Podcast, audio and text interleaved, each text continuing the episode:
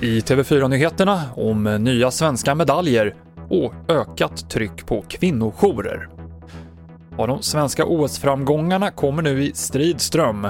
Josefin Olsson vann idag ett silver i segling och Sara Sjöström tog den sista medaljchansen de här spelen i natt med ett silver på 50 meter frisim.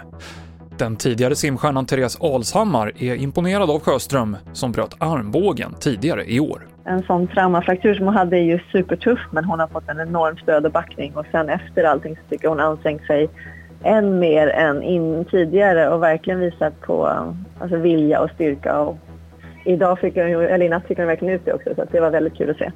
I samband med att pandemirestriktionerna lättar så slår flera kvinnojourer i landet larm om ett ökat tryck av våldsutsatta kvinnor som söker hjälp. Det här visar en rundringning som TV4 Nyheterna gjort. TV4 Nyheterna har pratat med 15 kvinnojourer i landet varav sju stycken ser att samtalen ökar i samband med att pandemin släpper. Fyra jourer ser inget ökat tryck nu men tror att det kommer till hösten och ytterligare fyra jourer ser ingen ökning alls eller kan inte svara. Sara Pålsdotter Hellberg på kvinnojouren i Öresund menar att det inte bara är samtalen som ökar. Pandemin har också förändrat våldet.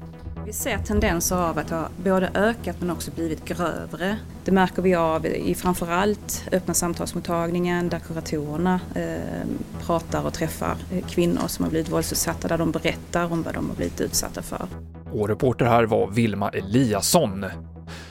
I Sverige så stjäls det cyklar för uppemot en miljon kronor om dagen, men det är knappt några av de här stölderna som klaras upp och i nästan alla fall så lägger polisen ner utredningen utan någon åtgärd, rapporterar SR. Totalt så klarade polisen upp 308 av 77 329 cykelstölder förra året. TV4-nyheterna, jag heter Mikael Klintevall.